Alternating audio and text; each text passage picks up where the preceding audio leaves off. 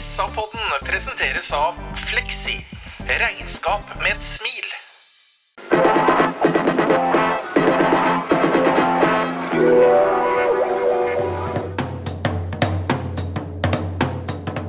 Sarpsborg Arbeiderblad gir deg en ny episode av SA-podden med Sven René Nygård, Øystein Weber, Petter Kalnes og Bjørn Inge Bingen Nilsen. Hei sann, hoppsann, og hjertelig velkommen til en ny episode av SA-podden. Podkasten der vi preker fotball.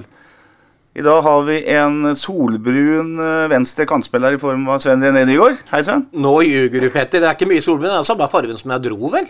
Ja, du er rød.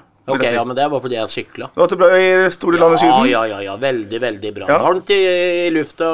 Ja, 25 grader i skyggen var vel den kaldeste dagen. Ja, Høres bra ut. På høyrekanten så spiller eh, Øystein Weberg. Hei, Øystein. Ja, jeg må bare kommentere huden til, til Sven. da. Eh, Han har jo, som jeg har sagt tidligere, litt sånn engelsk eh, hud. Han ser ut som en sånn medioker uh, britisk fotballspiller.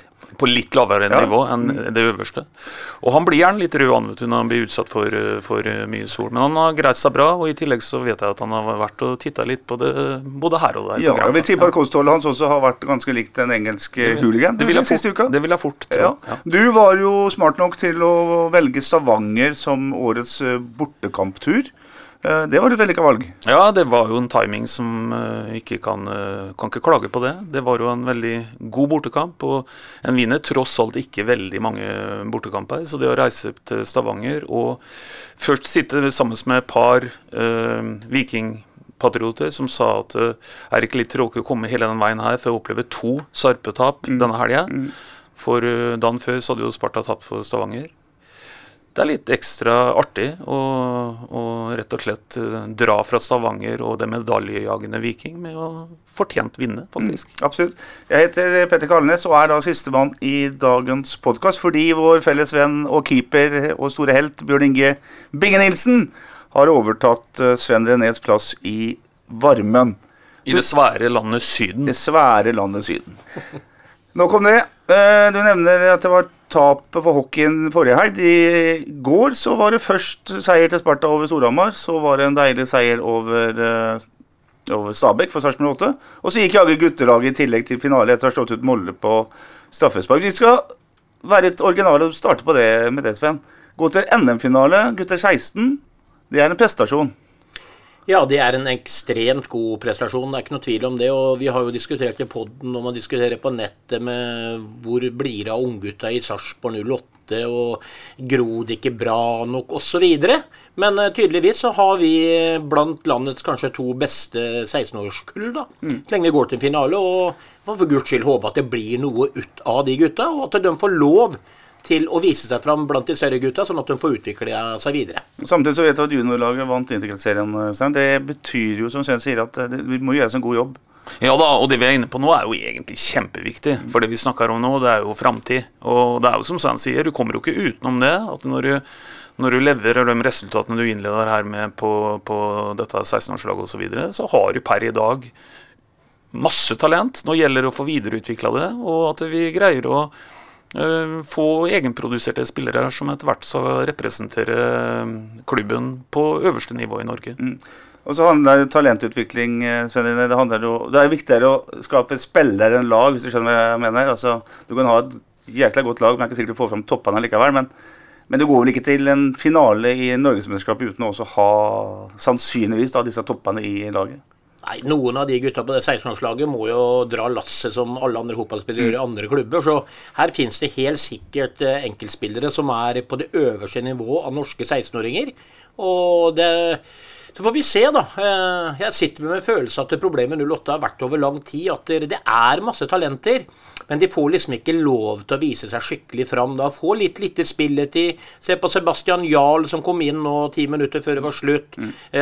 Kjetil Rekdal kan si hva du vil om han, men han har vel gjort den mest eh, fantastiske snuoperasjonen med et eh, seniorlag noen gang. Og han ønsker Sebastian Jarl og Kjetil Rekdal.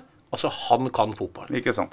Bra. Gratulerer til eh, guttelaget og til alle som driver med ungdomsfotball i 08. Så håper vi faktisk det kan bli en finale på Sarpsborg stadion. Så vidt meg eh, bekjent så er det ikke bestemt om finalen mot Viking går i Sarpsborg eller i Stavanger. Vanligvis så spilles den i Telenor Arena i cupfinale i helga, men i år så skal den gå på en av lagenes uh, hjemmebane pga. Uh, koronaopplegget. At man kom for sent i gang med cupen. Nok om det, Øystein. Sarpsborg 08 Stabæk 4-1, lørdag kveld og flomlys og både ene og andre. Stort bedre blir det ikke? Nei, det gjør ikke det. Og jeg lodda stemningen litt, eh, ikke veldig i forkant, men litt i etterkant av kampen. Vi har et sånn fast loddet stemningpunkt som ligger i byen her, hvor vi får litt sånn Det er litt syretesten på åssen det er. Og nå er det god stemning. Nå, nå, nå føler jeg at ting er i ferd med å snu litt. Og så er vi jo nå inne i en eh, periode her så vi må, liksom, vi må eh, glede oss nå i nuet og huske på at det vi driver med akkurat nå om dagen, eh, poengmessig, det har vi nesten ikke opplevd. Selv ikke i bronsesesongen. Vi har nå fem seirer på seks kamper. Vi har fire strake. Jeg ser det er en som heter Geir Myksvold Lande, mm. som skriver dette her på Facebook. Det er helt mm. riktig, Geir. Det har skjedd én gang tidligere, i mai 2018, at vi hadde fra den 9. til den 12. runda så hadde vi fire strake her. Sarpsborg har nå spilt 296 kamper på det øverste nivået i Norge. Og dette har altså skjedd én gang før. Det sier litt om hvor vanskelig det er. Og, så den delen av det, det er uh, virkelig å applaudere. Og så vil jeg si én ting til, Petter. I går så starta det egentlig en litt sånn ny og litt uvant æra for 08. I hvert fall hvis vi nå fokuserer på de tre siste sesongene. Kniven fra strupen er fjerna. Ikke sant? Så nå skal, vi, nå skal vi spille Kampen i går er jo historie allerede, men nå har vi fire kamper til. I den grad øh, vi snakker om at det som kunne ligge der, var liksom på en måte den sportslige katastrofa, den er vekk. Så, så nå bør en ikke tenke resultatkonsekvenser.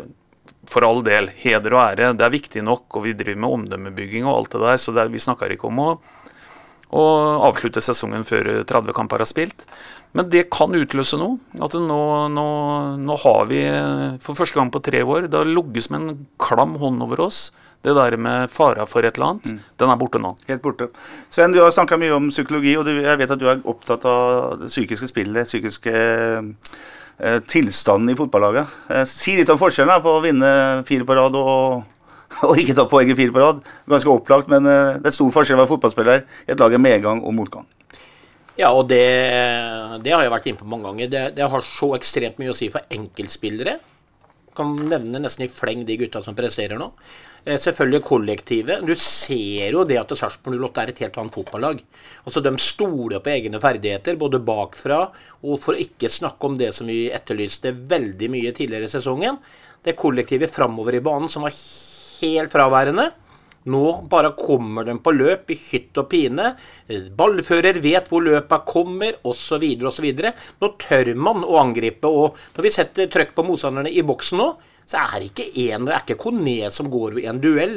Det er kanskje, Nå kommer du Linseth rundt Kone hele tiden. Du har folk i returrom, du har folk en par til inn i 16-meteren. Det er et lag med selvtillit som tror på seg sjøl, og enkeltspillerne tror på seg sjøl, og det er ikke verre. Jeg har lyst til å ta, følge opp det du sier der, med det å være i angrep. For det første målet etter fire minutter er jo et veldig enkelt mål, og det er en konsekvens av en keepertabbe. Så ærlig skal vi selvfølgelig være. Men her er det altså en bakromspasning fra Saletros. Og den er ikke til en spiss. Den bakromspasningen går altså til wingbacken Eirik Vikne. Det betyr at Eirik Vikne har vært høyt til banen. Tidligere på sesongen så hadde den aldri gått til en wingback, for da hadde wingbacken vært eh, tilbake. ikke sant? Vikne triller den inn, hvem er der? Jo, Linseth, som spiller en slags innoverkantrolle i et uh, eh, 3-4-3-system. Men han er foran mål, og Kone er selvfølgelig foran mål. Noe som vi ikke så tidligere på sesongen. Og selv om det også er en tabbe av Markus Sandberg, så er det noe, liksom noe det, det, gir et godt tegn, det derre det målet, syns jeg. Jeg er helt enig. Og så er det litt som Sven sier, at nå, nå, begynner vi å fremstå litt sånn at vi er ikke helt avhengig av at alle må ha en optimal dag på jobben. For en Kone har ikke en optimal dag på jobben i går, f.eks. Men, men allikevel så, så, greier vi å eh, produsere noe. Så vi, det er andre da, som kan stå fram og på en måte kompensere litt for at andre ikke har den helt, den helt beste dagen sin. Og jeg er helt enig. Eh, tidligere i sesongen så hadde ikke Vikne stått så høyt i banen Eh, som han gjør når han nå er helt riktig som du sier, det er jo, et, det er jo et, eh, en tabbeinngripen av, av Stabæks keeper. Men, men, når det først har inntruffet, så er jo det resterende helt etter boka. Nydelig lagt inn igjen av, av Vikne, og et eh, klassisk tap-in-mål av det som nå er den tredje spilleren bare, vet du, i Sarpsborg 08s historie som har kommet opp i et tosifra antall skåringer. Så Linseth han eh, gjør noe ekstraordinært i 2021. Ja, men han gjør det. Og det er jo litt sånn mot, uh, mot Alodso. for ingen som kanskje forventa han skulle gjøre så mange mål. Eh, det å gå i strupe på motstanderens venn, det hører vi stadig at treneren skal gjøre.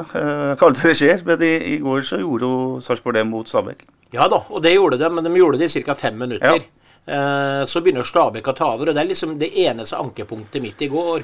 Det er at, eh, Og nå skal jeg være så bånn ærlig og si da, til lytterne der hjemme at eh, jeg har sittet hjemme og studert kampen på TV, for jeg fikk dessverre ikke sett den. Jeg satt på fly hjemover. Men eh, det er like lett å se den på TV. Så jeg ønsker jo at man skal på en måte stå enda høyere over lengre tid mot et lag som har så lite selvtillit, og som kjemper om det nedrykket så fælt, for nå er vi litt ute av det. Så det er det eneste jeg kunne ønska meg, kanskje. At vi hadde turt å stå enda høyere over lengre tid, for jeg tror det kunne straffa Stabæk enda mer. De kunne på mange måter drept den kampen. eh, Ja, jeg er enig, og, og, og det er et ankepunkt i går, det der. Altså, og det er heller ikke noe sånn over Det er ikke noe euforisk stemning til pause i går, som, på, som jeg prata med. For, for jeg syns vi gir Stabæk helt unødvendig mye initiativ i, i første omgang. Og jeg sitter med en følelse at dette laget kan vi straffe egentlig når vi bestemmer oss for å straffe dem, eh, for å være litt sånn tabloid på det. Så, så det, er, det er på en måte litt eh, ankepunktet. Og sånn sett så fremstår jo i går andre annenomgangen som eh, betydelig bedre enn eh, første omgangen. da. Jeg synes også Problemet med å få nok intensitet i det dype presset, Sven, eh, det er der det går igjen. Altså, De legger seg dypt, dypt i banen, det er greit nok, det, men da blir det sånn litt trøkk i pressbildet til 8. Ja, og det tror jeg kombinerer seg litt med at det norske lag nå vet hvordan Sarpsborg 08 spiller. Når vi først legger oss ned i en sånn fem eh, bak der og fire foran, og så er Kone midt på egen banehalvdel, så gir også motstanderen litt opp. Så de flytter bare ball fra A til B hele tiden, mens vi ligger og venter. Så vi stikker liksom ikke så ofte fram i det presset. Så det blir sånn, men sånn som i går, at når vi leder 1-0, så kan vi jo invitere Stabæk på å gjøre feil, ikke sant, og kjøre en overgang. Men eh, jeg, jeg, jeg sitter med en følelse at da hadde vi som vi begynte kampen i går, og sånn som vi gjorde i annen omgang, så tror jeg vi kunne straffa Stabæk hardere i første. Men samtidig så er jo liksom Altså, vi vinner den fotballkampen. Det er 4-1. Åssen du snur opp ned på det uansett. Så vi tok vår fjerde så seier, ja. så det må vi hylle. Det er vanskelig å finne noe negativt. Helt enig med deg. Eh, Laguttaket er det at uh, Lars Bohnen gjør som eh, Bingen ville, men ikke Kai Andersen ville. Kai Andersen ville jo ikke ha Dyresam som venstre wingback, for han mente det var defensivt. Når han, Kai var på besøk i podden forrige, lørdag, nei, forrige uke. Dyresam spiller altså venstre wingback i et lag som var uforandra ellers. Og så gjør jo Bohin bytter i pausa. Soltvedt kommer inn for Karamoko. Dyresam går da ned og blir stopper. Og så gjør han også tidlige bytter med både Ole Jørgen Halvorsen inn for Eirik Vikne og Kristian Fardal Opseth inn for Ibrahima Kone. Vi har snakka om at det er en bred stall. I går ser vi at bytta spillere kan uh, få en veldig innvirkning på kampen. For jeg syns både Halvorsen og, uh, og Soltvedt, og selvfølgelig tomålsskårer Kristian Fardal Opseth, gjør en veldig bra kamp. Jeg er enig. Jeg syns at uh, i går bytta vi oss ikke ned i kvalitet uh, i det hele tatt. Og det er en styrke når vi kan, uh, når vi kan konkludere med det. For, for det, det, er viktig, og viktigere blir jo i en lang sesong og, og slitasje og alt det som vi kjenner til. Så, så jeg, jeg er helt enig i det. Og så er det gledelig, syns jeg, også å se at Uh, Fardal, som nå har tross alt uh, hatt det litt tøft her i byen, og til og med var utelatt av en tropp for en stund tilbake nå viser egentlig at han har den evnen som ingen greier å forklare med ord hva er. Vi bare sier at han har det, på en måte. Mm. Litt i forhold til å lukte hvor ballen detter ned. Han har to klassiske sånn toppskårermål som kan virke enkle. Men, men, han har noe vet du, som, som de aller, aller fleste ikke har. Ja, Det er noe med smartness. Og så vet vi som uh, forsvarsspillere at sånne typer er fæle å spille mot, for du tror du har kontroll på dem. Og så kan du gjøre som han gjorde i går, sette to sånne enkle, men samtidig veldig geniale mål. For han beveger seg så fint. Ja, som Eggen sa, det, vet du, du må aldri, kimse av spillere som har skåret mye mål over tid. Mm. Altså Uansett nivå omtrent. Og Fardal Opseth er jo en sånn person. Mm. Han, uh, han har missa mye, han har vært ute i kulda. Men da ser du kanskje det òg, da. At uh, ja, det er vel en grunn til at han har vært ute i kulda, da. Så kommer han inn igjen, og så er han heva. Så, så, de grepene som har vært der, tenker jeg også sikkert har vært veldig bra. Men Fardal Opseth er en notorisk målskårer. Og ja, han har missa en del sjanser eh, i en periode. Men han kommer jo til dem. Han kommer til dem gang på gang på gang, og det er pga. de lure løpa. Og det uttaler han sjøl. Det er jo viktig å være lur i boksen. Ja, ikke sant? Er det genial eh, ledelse av eh, Boden her eh, siste uka, eller ukene? Sant? At han har satt såpass press på Fardal Opseth? Du nevner at han ikke engang var oppe i, i troppen for forrige hjemmekamp. Eh, eller er det tilfeldigheter at det plutselig løsner for noe? Altså, Det er i hvert fall ikke noe som er genialt her. Genial, det var Einstein. Alf Prøysen og Einstein var geniale. Eh, Det er ikke så veldig mange andre.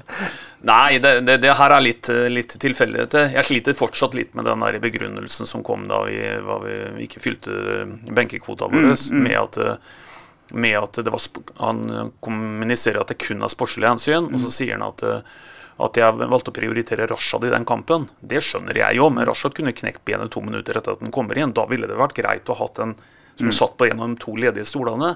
Så, så det, den, den kjøper jeg ikke.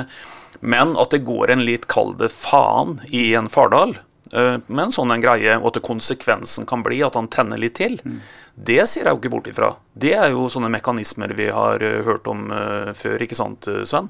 Ja, også, men en annen ting også. Fardal han går jo ut i pressen etterpå når han får de spørsmålene hvorfor han satt på tribunen. Og når du ser hvor profesjonell han er, enten så er han superprofesjonell, eller så svelger han den kamelen og syns at det var litt fortjent. Eh, Jeg er enig, ja. og, og, og, det, det er et poeng det Sven sier der. Eh, Den hansken tok han forbilledlig opp, da, og, og svarte de riktige tingene. Og, og kom godt ut av det mm. med måten han eh, svarte opp akkurat det. Og da snakker jeg da om Fardal. Og vi Enda også- bedre ut av det når du skårer to mål kampen etterpå. Ja, klart. Og vi har også sett en annen type Fardal på trening den siste tida. Eh, det kommenterte Bingen eh, han på stadion for noen dager siden, og han sa at det er liksom en litt annen type. Nå er han oppe der igjen, Nå har han mye sjanse også på trening. Gjør mye mål på trening. Og apropos trening, vi har også sett en forandring i laget. Uh, humøret eh, Nå er det litt lekent angrepsspill. Spiller 11 mot 11, det er hælspark, det er tunneler. Det er liksom helt noe annet enn det der sånn der seige, tråkige laget vi så på trening også for en måneds tid siden. Og det tar man med seg inn i matchene, Sven. Ja, det gjør dem. Og det er klart at dette her med prestasjoner, resultater, det preger en spillergruppe. Det preger enkeltspillere. Og så er det liksom bare sånn ferskt i minne fra jeg har sett kampen et par ganger nå, så er jo viktig å hylle alt fra støtteapparat til Lars Bohinen til enkeltspillere.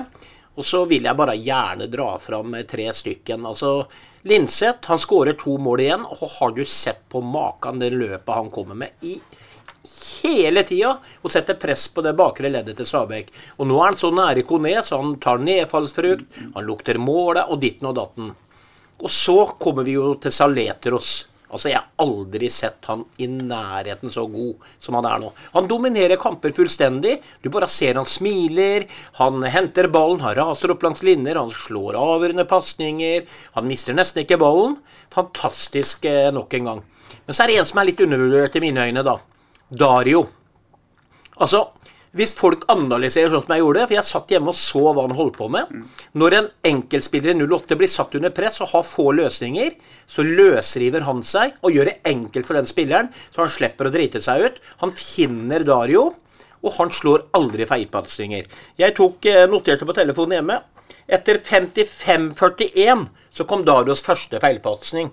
Den andre kom etter 88-55. Mm. Det er er de to feilpassingene han har. Han legger opp til et mål. Han har mye ball, faktisk. Vet du hva? Han gjør en fremdragende kamp. Ja, helt enig. Dario spiller sin beste kamp i 08-drakt. La det være heva over enhver tvil. Og så er det en annen ting som du starter med her, Petter, Peter, i forhold til eh, Altså, her henger alt sammen med alt.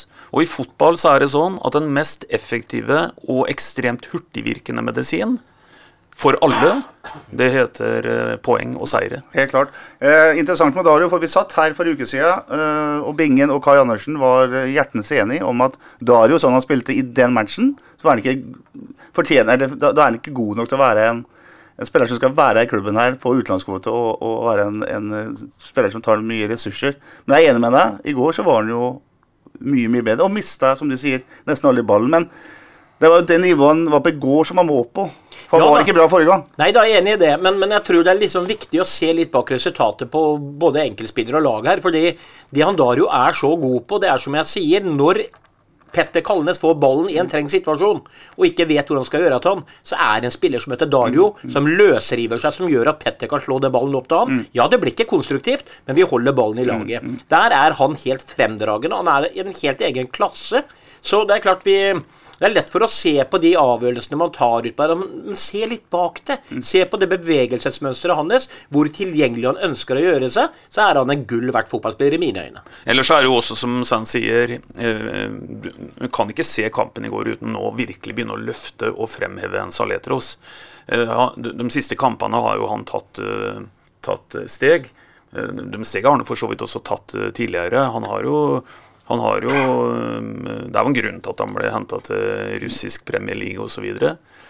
For det heter Premier League, ikke, ikke sant? ja, Ja.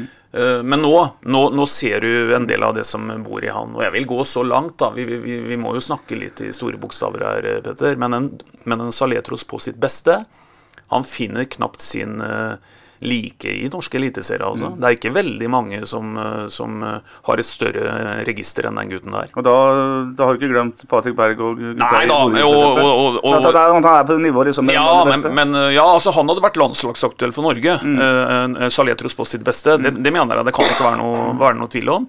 Men, men, uh, men uh, en skal også huske på at uh, vi har vært veldig mye skuffa òg. Men jeg, jeg må si det at, at etter en kamp i går, altså spesielt uh, utover som kampen uh, går frem han, han er jo også vanvittig samvittighetsfull i, på defensive Altså han, han, han gjør jo en samvittighetsfull defensiv jobb også. Det har han for så vidt uh, alltid gjort, men, men nå, nå, nå krydrer han det jo med også eh, Han har jo blitt på en måte en produsent av farligheter også, da. Han er jo en av to sentrale midtbanespillere, Sven. eh, og går også fortsatt ganske dypt og henter ball mange ganger, men nå slår han jo den ballen framover. Det er jo helt noe annet enn når vi satt og ergra oss over den for noen måneder siden, der han henta ballen og så slo en støttepassing eller slo til sida. Ja, men han, han slår ikke bare ballen framover, han går framover òg. Han stopper ikke på midtstreken nå. Han vil gjerne være og, med å prege det offensive høyt oppe på motstandernes 16-meter. Men det er fordi han er full av selvtillit. Og så er jeg tilbake til det jeg sier igjen. Hvis han kunne håper å si, sett de første kampene den, den bevegelsen vi hadde foran ballfører, som da f.eks. var Saletros, var helt fraværende. Saletros kunne jo ikke trylle. Nå har han jo masse alternativer, da. Det er fordi vi er i medgang, og vi har funnet en måte å spille overgangsspillet på, og vi tør å flytte en del spillere opp, og rekker allikevel hjem igjen. Helt enig. Og Saletros har også en, en forskjell til som er ganske spesiell, er at han løper fort med ballen i bena. Altså han selvfølgelig ikke like fort å ha ball som uten, men, men han har egenskap til å holde farta oppe også når han har ballen i bena. Det er ikke så mange som har. Er Nei, altså, jeg, ble, jeg ble nesten litt sånn redd eh, både mot Viking, var det vel, og i, i kampen som var nå hjemme mot Stabæk. Så er nesten sånn redd for at han skal bli fotballinvalid noen ganger. Fordi han hadde jo et raid utover på slutten av kampen der nå, hvor han går på høyresida. Hvor han da skipper ballen over tre kall som har spist rått kjøtt, og som gjerne vil ta den i knehøyde. Men den får jo ikke tak i den. Og da, som du sier, Petter, der, der ser du hvor hurtig han er med ball i beina. Han er en av noen få spillere som er like rask med ball i beina som han kunne løpt uten. Og dem er ikke så mange av, og da er han vanskelig å få tak i. Helt, helt klart. Bra. Eh, ofte er det veldig rett å si hvordan et lag spiller, altså sånn tallformasjon. 4-3-3, 4-4-2 osv. osv. Eh, det som Sarpsborg 8 gjør nå, syns jeg er litt spesielt. De, de spiller 3-4-3. De har eh, da to wingbacker, to sentrale midtbanespillere, og så har de da tre mann framme, for å kalle det det. I går var det Linseth, det var eh, det var uh, Maigård, og det var Kone. Men det som er spesielt med kantene, er at de er så smale. De er nesten inne som, ser nesten ut som indreløpere noen ganger. Eh, det der trekket der har funkert veldig bra, Sven. Ja, veldig bra. Og, og det gjør jo noe at på en måte motstander får et mye større problem. ikke sant? Fordi Før så kunne de egentlig konsentrere seg om Kone. Og det skal vi bare si at Kone han gjør en manns jobb de luxe. Han Litt sånn følelse etter at han kom fra Mali og landskamper, så har han ikke vært der han var til å begynne med. Det har sikkert prega han litt, men, men du kan jo ikke glemme Kone. Og når du i tillegg får da en Maigård som er ballsikker, og en Linseth som løper deg i senk rett rundt han igjen, så er det ikke gøy å spille motstanderforsvar. Så det er helt genialt, og det, det, det gjør at motstanderne har et ordentlig stort problem å forholde seg til. Og summen av det vi snakker om her nå, det er ikke noe tvil om at vi har fått en, en ny dimensjon inn i laget. Eh, I, løpskraft her, med å fått en Linseth i knallform. Vi har en Maigård som flytter bena så det holder, og i går i tillegg en Dario som har en høy frekvens. dette er viktig altså, for et kollektiv. Eh, så, så, så vi, har fått, eh, vi har fått en ny dimensjon inn nå med den løpskrafta vi har sett i de siste kampene. Absolutt. Og vi har skrøt av sommervinduet til Thomas Berntsen før. Vi gjør det igjen. Han traff veldig bra på Margot Dario, og selvfølgelig også en Molinsen Molins når han kommer tilbake. Uh, i sommer. Bra jobba. Ellers så bare, en ting jeg tenkte på, uh, Sven. Men det var jo helt riktig sagt, vet du. Du spurte jo her tidligere i høst, uh, Bohin, om når er Molins klar? Og da sa han jeg tror Bodø-Glimt-kampen kommer for tidlig. Det hadde han jo helt rett i. Men det kom jo fem-seks andre kamper òg for tidlig. Så hvor han ligger han i løypa nå, vet jeg ikke. Nei, men... siste, siste, status øh, øh, Eller status siste vi har sett den, er at han er på trening. Han ja. er med på noen balløvelser, men gir seg fort. Jeg har ikke sett den i full trening Nei. på lenge. Nei. men nå er det jo landslagspause, så det er vel Ja, Nå får vi håpe. Ja, nå er det fire kamper igjen, så vi får ja. håpe det. Ja. Mm, det. det. må vi regne med. Ålreit, tilbake til matchen. da, Vi sporer ut som vanlig. Uh, en forholdsvis jevnt spilt første omgang, må vi si, gutter. Sjanser til begge lagene. Maigård har en svær sjanse. Koni har en heading fra kort hold over. Og så har også Stabæk et par uh, I hvert fall én veldig stor mulighet. Og du sier at uh, mellomfornøyde folk på stadion i første omgang. Men så smeller det i annen omgang, selv om det går helt til det 75. minutt før 2-0 ligger der. Uh, hva er det som er bedre etter pubs enn før, Sven? Jeg syns eh, det meste er bedre i annen omgang. Vi er eh, enda mer komprimert. Vi slipper ikke til eh, Stabæk de store sjansene. Vi er i nærheten sjøl, og vi har et liksom mer kompakt lag, syns jeg. Enn, også spesielt offensivt òg. Vi, vi, vi, kommer jo rundt på kanten noen ganger, og vi Vi slipper slipper til Stabæk enda mye mindre enn det vi gjorde i første omgang. For mm. jeg satt med hjertet i halsen ja. et par-tre ganger der. Mm. Altså, jeg, jeg, presterer å sitte med hjertet i halsen selv om jeg vet resultatet, jeg vet du, Petter, og ser det om igjen. ja. For det er liksom uh, det er noen situasjoner i første omgang som ikke er greie, og så er det mer fasong og struktur over laget i annen omgang, rett og slett. Jeg tenker at jeg ikke satt med hjertet i halsen, da. Og det er en konsekvens av det jeg starta med å si i stad, at for første gang så er det egentlig ikke øh, noe risiko lenger for øh, liksom worst case scenario. Det, den er borte. Og, og, og, Derfor er jeg ganske trygg uh, i kampen i går. Jeg, jeg syns at vi, vi, viser de gangene vi, vi byr opp til dans her, at vi er et bedre lag enn Stabæk og, og følte på mange måter at uh, dette her kommer til å gå veien. Og så skal han ikke undervurdere den der faktoren som ligger der med at kanskje andre også føler at presset har sluppet litt av skuldrene. For det verste som kunne skjedd i går, det hadde jo vært for en kamp som vi leder 1-0. Den lever jo alltid. Sånn er jo fotball. Mm, mm. Du, du, du, selvsagt kan du risikere å ikke få med deg noe i en kamp du leder 1-0, selv om du er eh, best utpå der. Men, men, men, det er noe med at uh, det er ingen grunn til at uh, en skulle brukt svære krigstyper på det.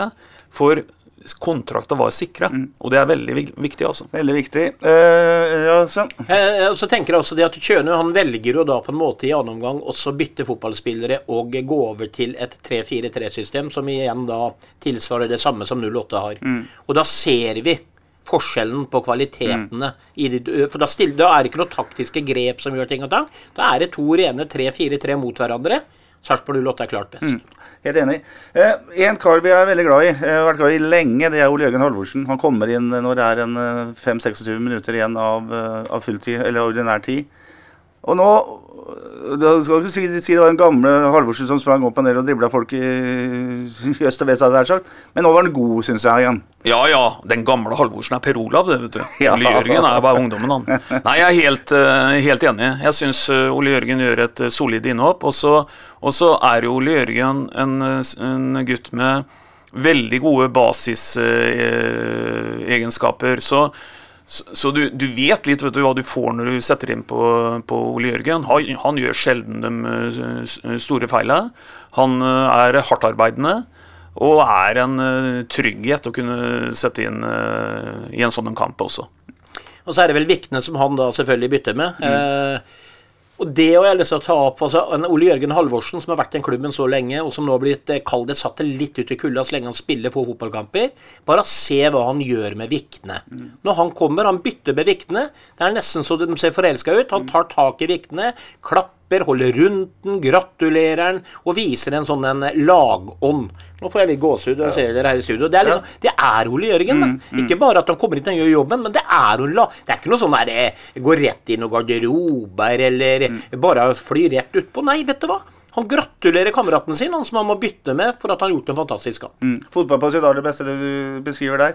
Og det er 75 minutter, så er en eh, Stabæk-spiller eh, uoppmerksom. Det er ikke Ole Jørgen Halvorsen. Han stjeler den eh, nede ved cornerflagget. Slår innlegg, og så da er eh, vår venn eh, dukker opp eh, oppsett som eh, setter den Øystein. Ja, der er, eh, Det var vel en eller annen Sundgodt som fikk dukkeoppnavnet i sin tid, men eh, vi kunne jo døpt eh, Fardal Dukkopp òg. For det er sånn dukkeoppmål. Han, eh, han har den egenskapen. Leser litt hvordan ballen detter ned. Og har en sånn litt sånn enkel tap in. Og det er klassisk toppskårervis, altså. Tre minutter eh, senere så kommer 3-0. eh, og det der er et mål som også oser av selvtillit, syns jeg, Sven. Eh, Soltvedt gjør en glimrende jobb på venstrekanten. Slår et flatt innlegg til, eller pasning til Linseth, da. Som alene med keeper bare skipper den elegant i mål. Og det der gjør ikke Linseth hvis ikke han er full av selvtillit. For han løper fort, og det er teknisk vanskelig å utøve det her, men han gjør det på en nydelig måte. Ja, da, altså Linseth han, eh, han er sånn eh, fyr nå som går på vannet. Det, jeg har lest med noen lagkamerater i media og sånt noe om det er riksdekkende eller SA. Liksom det er Nei, Han skårer på alt, han, sier de. Eh, Og han gjør det nå. Men det er liksom ikke ferdigskåra, for du skal komme på det tunge løpet der òg for å på en måte kunne få den ballen. da. Så, så Linseth er rett og slett en utrolig fremdragende fotballspiller for det. Og han eh, har det sikkert utrolig godt, og gud bedre så glad jeg er for at han er en, eh, en spiller som spiller i Sarpsborg 08. Jeg husker med gru den gangen han spilte ut på kanten. hvor Han hadde lang vei til mål, og det var liksom Nå er han jo i sentrum hele tida. Altså alt som skjer offensivt, så er han i nærheten. For de som vi var inne på i stad, ligger litt breiere inn i kanten, kortere vei til mål. Kortere veier med de dype løpa sine. Nei, vet du hva, han er eh, Det er bare å ta av seg hatten. Og så er det jo fascinerende med idrett generelt, eh, Petter. Det er det som heter å være i flytsona, og det å eventuelt ikke være i flytsona. Og det er som Sven sier, nå, eh, det eneste som mangler nå, er vel at, at Linseth eh, snakka flytende russisk i løpet av et døgn, eller kan gå på vannet. Men når det er sagt, eh, dette kan jo også Linseth. For det målet han skåra, det tredje målet i går Jeg er helt sikker på Hvis vi spoler tilbake i tid, så finner vi minst et par eksempler på en ren kopi. Inkludert chipen.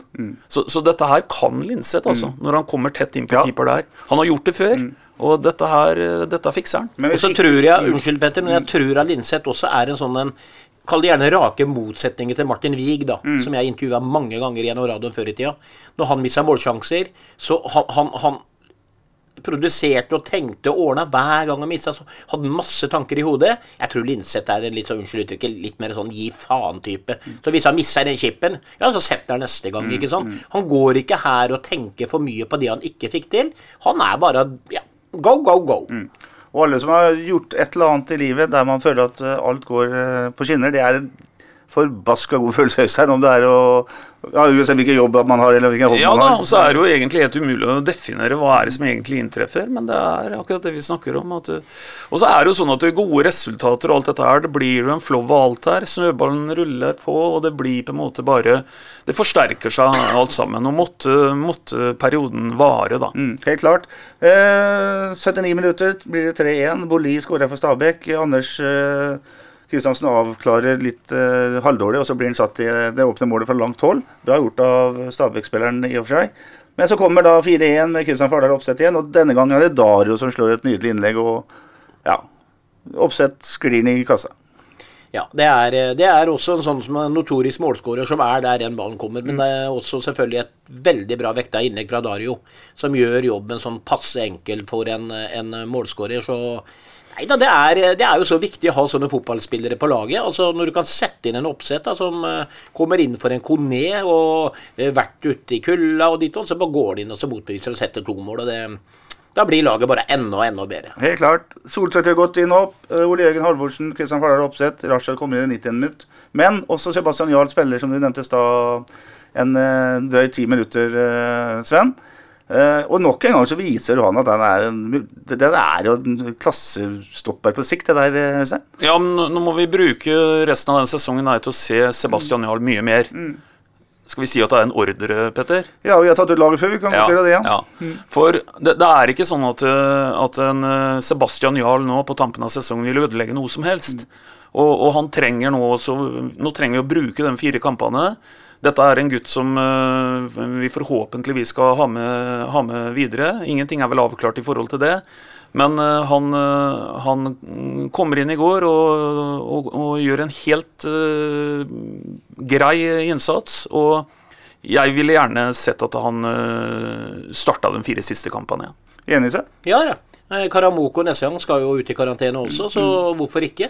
Eh, så lenge man ikke vil låne den ut eller selge den eller leie den ut eller hva det er for noe til HamKam, så må jo 08 mene noe med han. Og nå, når vi, som eh, Øystein har vært inne på tidligere, husker du nesten ikke sist vi ikke satt og holdt på å si beita negler og alt som var når siste serierunde gikk. Nå er vi klare. Mm. Det er Ja, ja, vi kan gå to plasser til opp, men jeg tror ikke Sebastian Jarl kommer til å gjøre noe som helst for at vi ikke får like gode resultater. Så han må inn og må prøves. Og hvis ikke de gjør det nå, så hadde jeg vært Sebastian Jarl, så hadde jeg følt meg lite verdt. Ja, og han har en kontrakt som går ut, så vidt jeg vet, og han har vel foreløpig ikke skrevet ny kontrakt. og ja, han må kort og godt I 2022 så må han spille mye mye, mye med fotball enn han har gjort i Sarpsborg 8 de årene han har vært her. For han har, Jeg tror han har 11 eller 12 kamper fra start, og det er selvfølgelig altfor lite for en kar som kom hit som uh, landslagsspiller, og som etter hvert da har blitt en fast tredjedivisjonsspiller.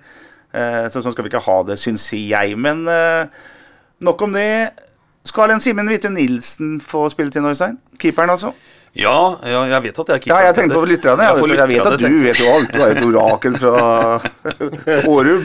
ja, altså nå, det, nå, gjelder det å balansere to ting i de fire siste kampene. Det gjelder å bruke den, den, det momentumet med at vi er berga og alt det der, til å få frigjort litt eh, energi. Det kommer sikkert til å påvirke resultater i positiv retning, tror jeg. Og så gjelder det å kunne benytte den anledningen til å gi noen som ellers ikke har uh, fått veldig mye spilletid, spilletid. Og i dette inngår også en uh, Vidtun uh, Nilsen. Men jeg mener selvsagt ikke at den skal møte opp i Bergen den 12.12., hvis det betyr noe for Brann eller Mjøndalen eller Stabæk, og, og, stille med et juniorlag, liksom. Ikke sant? Vi har et ansvar mm. for konkurrentene vi konkurrerer med. Mm.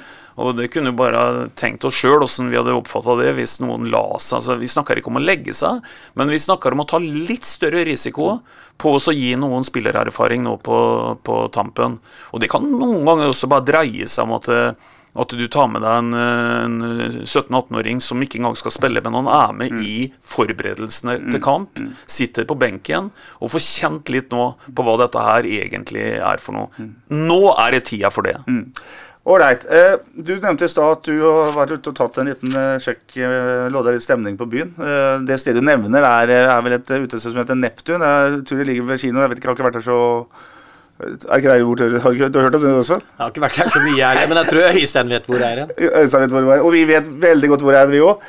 Uh, eh, det var ikke det jeg skulle si. Det jeg skulle, prøv å komme til poenget. Si, når du lodder den stemningen, hva snakker folk om? Og der, dem som sitter der, har jo Det er der, dem som har greie på det. Ja da. Om trener Lars Bohinen. Ja, det, det, det, vet jeg kanskje ikke sånn helt. Det, det har vel ikke vært kanskje det, det temaet jeg har, vært, mm, har hørt at det har vært mest, eh, en har vært mest innpå. Men det er nok ikke noe tvil om at, eh, at sånn som ting har skredet fram nå, så, så de som i utgangspunktet da, var kritiske til at en, at en beslutta å ikke gå videre med Oboinen, de får jo selvsagt mye mer vann på mølla mm. etter at det unike skjer. At etter at beslutningen er tatt, så har vi ikke gitt bort ett eneste poeng i norsk eliteserie. Det er jo i seg sjøl ganske spesielt. Mm. Når det er sagt, da, så, så, tror ikke jeg vi skal ta noe omkamp eh, på det. Jeg tror den beslutningen var riktig, og jeg tror at den beslutningen skal stå. og Jeg tror ikke egentlig at de skal virvle noe, noe mer opp i det. Men at du vil finne uh, de stemmene der der ute, også på Neptun, det er jo helt åpenbart. Ja. Jeg får flere meldinger og mailer de det siste døgnet etter kampen, Sven, og fra oppegående fotballfolk som lurer på uh, Skal man virkelig bytte ut en trener som har, har uh, fått så sving og fått så fastsing på, på, et lag, spesielt offensivt? da? Ja, det, og det, Øystein var jo inne på mye av dette. Det er ikke noe tvil om det at det er jo vann på mølla til mange, det. Og, og så er det jo dem som er enige, da, som sier det motsatte. ikke sant? At ja, etter at de ble enige om det, så kom seirene. ikke sant? Da kan du kanskje kalle det psykologi en annen vei. Mm. Så vi blir jo ikke kloke på om, om det er grunnen til at de har rett og slett avklart det trenerspørsmålet, eller fordi at Lars Bohin plutselig har blitt en av de bedre trenerne i Norge. Jeg tror også at det var en helt riktig avgjørelse. Jeg var litt tidlig ute og sa det. Det er ikke fordi at, ikke, at jeg har noe tru på Bohinen, men jeg har også vært jeg var veldig koselig, for jeg satt og hørte på den poden med Kai og Bingen eh, og deg, Petter. Hvor, eh, da kan jeg ta det i ettertid. Han var helt enig med meg, han Kai, fordi jeg var ute før han i forhold til dette med trener. Nå må de finne veien videre. Og så må de ansette trener etter den veien de vil gå. Og det var jeg også klar på. Og så må du ha spillere etter det systemet og finne ut hvem kan passe i den profilen. Og så må man hente rollespillere. Det er veien å gå, og så må man ha kontinuitet på det. Da tror jeg 08 kan bli en maktfaktor jeg, i, i, i Fotball-Norge. Og selv om det er en gjenganger, her, Petter, og det er en 08-pod, det her, så, så, må vi bare igjen uh, da trekke fram Bodø-Glimt, som nå har vært ute i Europa igjen. Én ting er å vinne mot et litt B-prega Roma på hjemmebane og helt slakte dem. Men det å reise ned der og lede 2-1 til kampen nesten er slutt, og, og ta med seg et superviktig poeng, det viser at eh, de gjør noe veldig, veldig riktig. Og det de gjør i Bodø, og det må alle andre begynne å lære av. Dette må være en enorm inspirasjon for alle vi andre klubbene som kommer fra forutsetninger som kan sammenlignes med, med Bodø. Det er bl.a. den der eh, gjennomgående tråden i en klubb i forhold til roller osv. For det vi ser nå, og det, det må vi legge veldig merke til, det er at det er systemet til Bodø-Glimt som nå hevder seg, og det er ikke enkeltspillere som hevder seg. For nå har de etter hvert blitt ganske skadeplaga. De kvitta seg altså med 95 målpoeng i fjor i en trio framme. Det skal nesten ikke være mulig å erstatte. Jo da, det kommer inn andre typer som kan rollene. Så mister de nå en sentral kaptein med langtidsskade. Og, og som om ikke det var nok, så, så tar også igjen fra eh, adelsnavnet Berg en liten pause. Og de hiver inn nye som kan disse rollene. Det er så utrolig imponerende å se. Nå får vi vel en litt forventa Jeg vet ikke akkurat hvordan det ligger an mot Haugesund mens vi sitter her og prater, men, men det kan vi jo sjekke opp. Men jeg snakker om det som har skjedd før i dag, da. Uh, det må vi lære av. Jeg var en gang på en omvisning på Lerkendal. Nå skal jeg være litt sånn flåsete på det. Det eneste som mangla av han guiden som guida oss rundt, på enorme anlegget Lerkendal, det var utrolig hvor langt en kan komme med et par milliarder, altså. Mm. Det var liksom det eneste som mangla at han sa. Du vet, Vi som kom fra arbeiderbyen Sarpsborg, vi så jo på dette her som noe som egentlig var fascinerende, men det er jo helt umulig å kunne liksom leve opp til på noen som helst måte. Bodø-Glimt gjør noe helt annet. De, de, har kommet fra ressurser som det går an å sammenligne seg med, og har på en måte blitt målbildet. Vi må kalle det målbildet. Og, og, da er vi litt tilbake igjen til det som dere diskuterte i poden sist, som Sven er inne på nå. Nå må klubben bestemme seg for en retning, og så må det være en tråd i dette her. Jeg kan det for lite til å si at ikke den tråden er kanskje OK, eller bra, eller ikke bra. Men den, den må mm. være der. Så, så, uansett om du spiller fotball i 08 og er 16-19 eller, eller, en seniorspiller, så, så, så, kan du du kan dette her med målbildet til klubben. Mm. Det er veldig, veldig viktig. Mm. Og rollespiller er interessant, Sven. Se på han eh, Er det Hagen han heter, sentral på midtbanen her, som er satt til Berg, som en fant også i Groruddalen. Eh, på Løkke, Løkke Groruddalen, nærmest. Og, og, han er nå god nok til å, spille sentral midtbane på, et, på det Bodø-Glimt-laget der den rollen er helt avgjørende. Ja, fordi Knutsen eh, så jo han tidligere, og mm. de vet hva han er god på. Jeg eh, kan dra fram eh, B-lagsspilleren Brunstad Fett, mm. som var på B-laget til Ålesund. Mm. Så nå går og herjer med Bodø-Glimt, ikke sant? Eller med, med Roma. Mm. Men det er som sier det, det en må, en må, bestemme retningen og ikke flakke. Mm. Og så vidt et fotballag i løpet av en 90 minutters fotballkamp må bytte til tre systemer for å på en måte roe i land et poeng eller vinne en fotballkamp, så kommer man jo aldri inn i det. Det er akkurat derfor Sarpsborg 08 nå har vært gode over litt tid. For det første så har man kontinuitet i laguttaket. Det er det samme som spiller sammen mye. Mm. og så De kjenner hverandre mer og mer for hver kamp. I Bodø-Glimt så er det liksom 4-3-3. Og hvis du spiller borte mot Roma, så er det 4-3-3. Og hvis en blir skada, så setter du med en ny spiller i 4-3-3 istedenfor å sette inn en spiller og gå over til en 4-4-2 for å beskytte seg sjøl eller noe. Nei! De står i det. Og står jo i det lenge nok, og får de rette spillerne, sånn som, eh, sånn som Bodø-Glimt har fått. For de har jo ikke kjøpt verdensstjerner. Altså, Jeg har ikke hørt nesten om en spiller der eh, som de henta selv med de 95 målpoenga. Så kom det nye fotballspillere jeg ikke hadde hørt om. Men altså, de produserer jo i det laget, for de er så utrolig trygge på det de holder på med. Og, og så du sier man har spilt et system. Også bestefar Berg spilte 4-3-3. Guttene spilte 4-3-3, og sønnen til Runar, eller Ørjan spiller 4-3-3, ikke sant? Og sannsynligvis gjør sønnen til Patrick Berg det også når han kommer Ja da, og så, så må vi også komme oss på jobb i forhold til logistikk osv. Mm. For det er klart at her, her som Sven sier, her henter han også en 21-åring fra Grorud, altså. Mm. Det er markedet vårt og det. Eh, og, og eh, det eneste en kan bli irritert over, er jo at en ikke har uh, sett typen tidligere. For eh, ja, det er, eh, det er bare å ta av seg hatten. Det er mange sånne spillere, vet du. ikke sant? Eh, og det er jo liksom det som på en måte de siste åra har blitt litt mer fraværende, spør du meg, da. Nå hentes det utenlandske spillere på kontrakter. Vi hadde Felix en gang igjen, eh, som ikke spilte fotball. Og jeg har jo sett litt på den andre byen og FFK. Du ser på denne Ismael, da, som kommer fra Skeid, var det vel. Og altså, herregud, han, han er så god, han. Så han hadde herja i Eliteserien.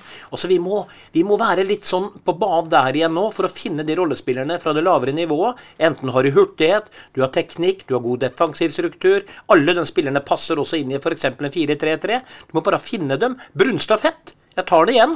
Altså, Tenk å ha en sånn spiller i laget. Han kommer ikke med på Ålesund. Og så nå spiller han også en type indreløper i, i Bodø-Glimt.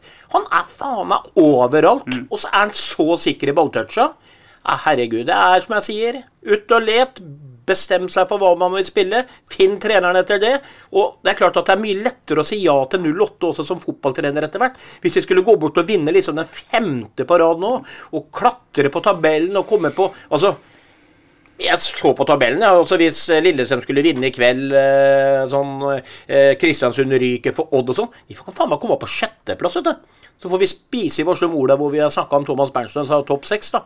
Men uh, der er vi nå. Ja, Vi kan oppdatere litt da, på akkurat det når vi først tar, tar tema. og Det er at, eh, det er at eh, Bodø-Glimt tok ett poeng borte mot Haugesund.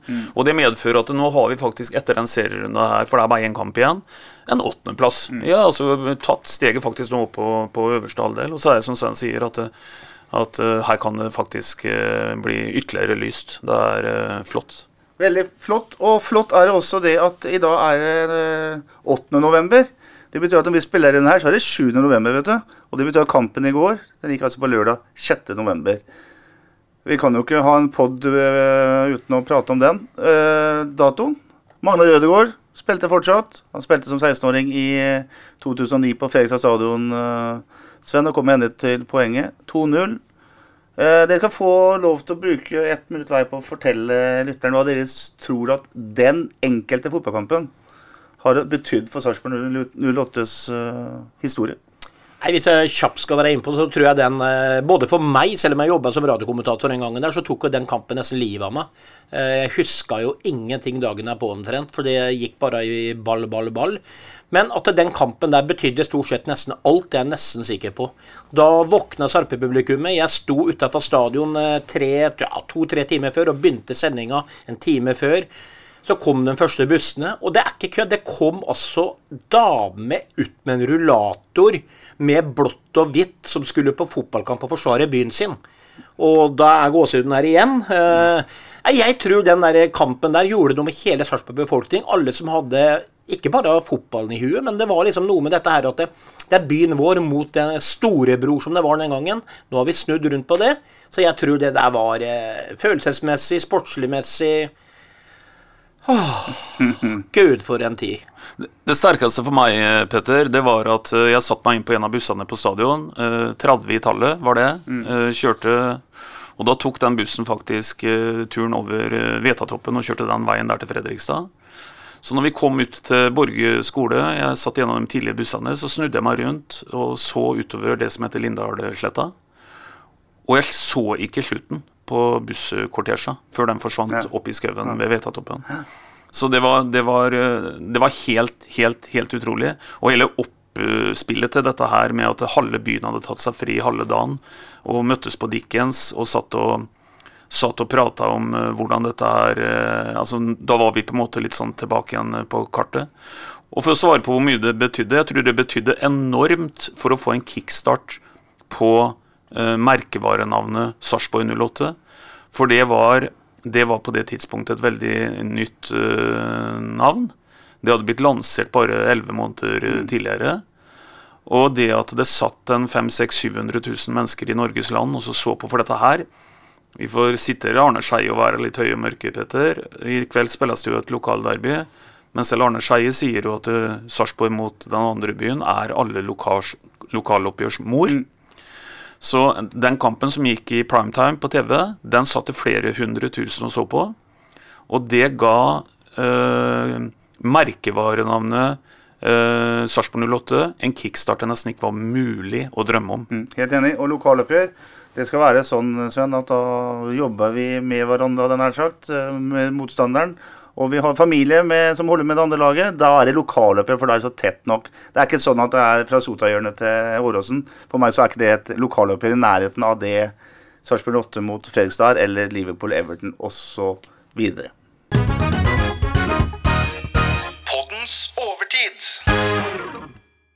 VAR er både elska og hata. Det vet vi som ser mye fotball uh, på TV.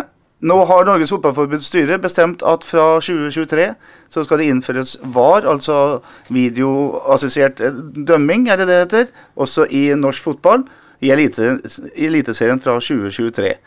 Det blir VAR, men det blir ikke såkalt mållinjeteknologi, altså at det er et uh, system i bura som, uh, som, kan bevise om ballen er over målstreken eller ikke. Supporteralliansen i Norge, altså de som representerer supporterne, er uenig i at VAR blir innført. Tankene dine om det, Øystein? Nei, For å ta det siste først, så er dette litt sånn spesielt i den forstand at det er veldig sånn polariserende debatt. For uh, på klubbplan så er jo tydeligvis klubbene veldig enige. Jeg vet ikke om det var 15-1 ja, mm. i favør av VAR av de 16 uh, eliteserieklubbene. Men så ser du, som du sier, et uh, Eh, et helt annet syn på det når du kommer ned på grasrot-supporternivå. Det skal han jo også ta selvsagt eh, på eh, kjempealvor. Det er jo, det er jo selve blodet i, i, fotballindustrien, blodomløpet. Det er, jo, det er jo supporterne. Litt rart det du sier i forhold til at en skal ha var, men en skal egentlig ikke sjekke ut det som egentlig er det mest vitale og viktigste i fotball, nemlig var ballen inne eller ikke. Uh, du har lest deg mer opp på dette her enn hva jeg har gjort, men det må være et kostnadselement i det, dette? Det er et ressursspørsmål, ja. ja. Mm. For, uh, for, det første som jeg tror mange vil diskutere når det gjelder uh, bruk av VAR, da, det er hvordan blir VAR brukt. Mm. For det er jo på en måte å finne grensene som er, er utfordringen. En kunne jo tenkt seg her at en hadde tatt VAR-avgjørelser på mange ting i, i spillet. Og, og det, det, ville jo blitt et tidsproblem av det osv. Så, videre. så det må, det må bli en effektiv bruk som ikke sinker produktet veldig.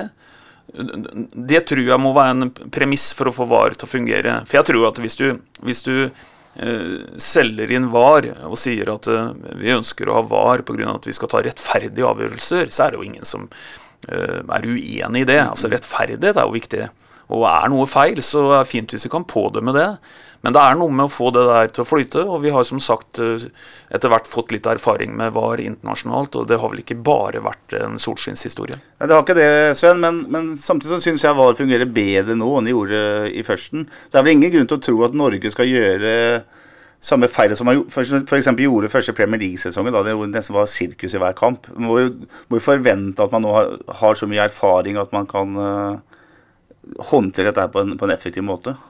Ja, Det er jo første pri. Ellers så kan jo ikke ha VAR. For vi kan jo ikke ha en fotballkamp hvor du tar med deg barnebarnet ditt ned og du kommer hjem to timer for sent. Det blir jo helt håpløst. Eh, det som provoserer meg litt, at det eh, er viktig med rettferdighet, Øystein, men eh, når du ser på Premier League og du ser offside-situasjoner som blir sett på over to minutter, og det kommer da de her stripene hvor det er 0,02 cm offside Altså, Sjarmen blir jo også borte. altså Det er jo så marginalt at det blir liksom sånn helt, helt håpløst. Og at man ikke har målteknologi. Det er jo det første. Jeg er helt enig med Øystein. Og så er ballen inne, eller er den ikke inne? Og så er jeg veldig opptatt av at liksom det som jeg syns har blitt akilleshælen til eh, norsk fotball og til internasjonal fotball nå, siden jeg sjøl var fotballsparker, det er det jukset. Jeg ville hatt var til juks òg, jeg. Og så, Da blir det jo enda mer å ta vare men da for å kanskje legge bort noe annet. fordi nå har fotballen utvikla seg så ekstrem feil retning. Folk ruller rundt, og man ser etterpå at det var ingen nær dem. Du har holding i felt og alle den driten der sånn. Eh, påvirke dommere, trenere. Eh, man rekker henda i været når man skal ha innkast og det ikke er i nærheten. Altså Det er så mye sånn ekle ting. Og så er det jo mange supportere der ute som snakker om det at det, når det blir var, så må i hvert fall supporterne på stadion får se de samme bildene som dommerne gjør.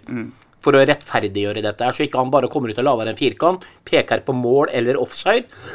La oss få se de tinga han ser på, sånn som vi på en måte For noen steder så slår de jo av skjermen, og så spiller de reklame.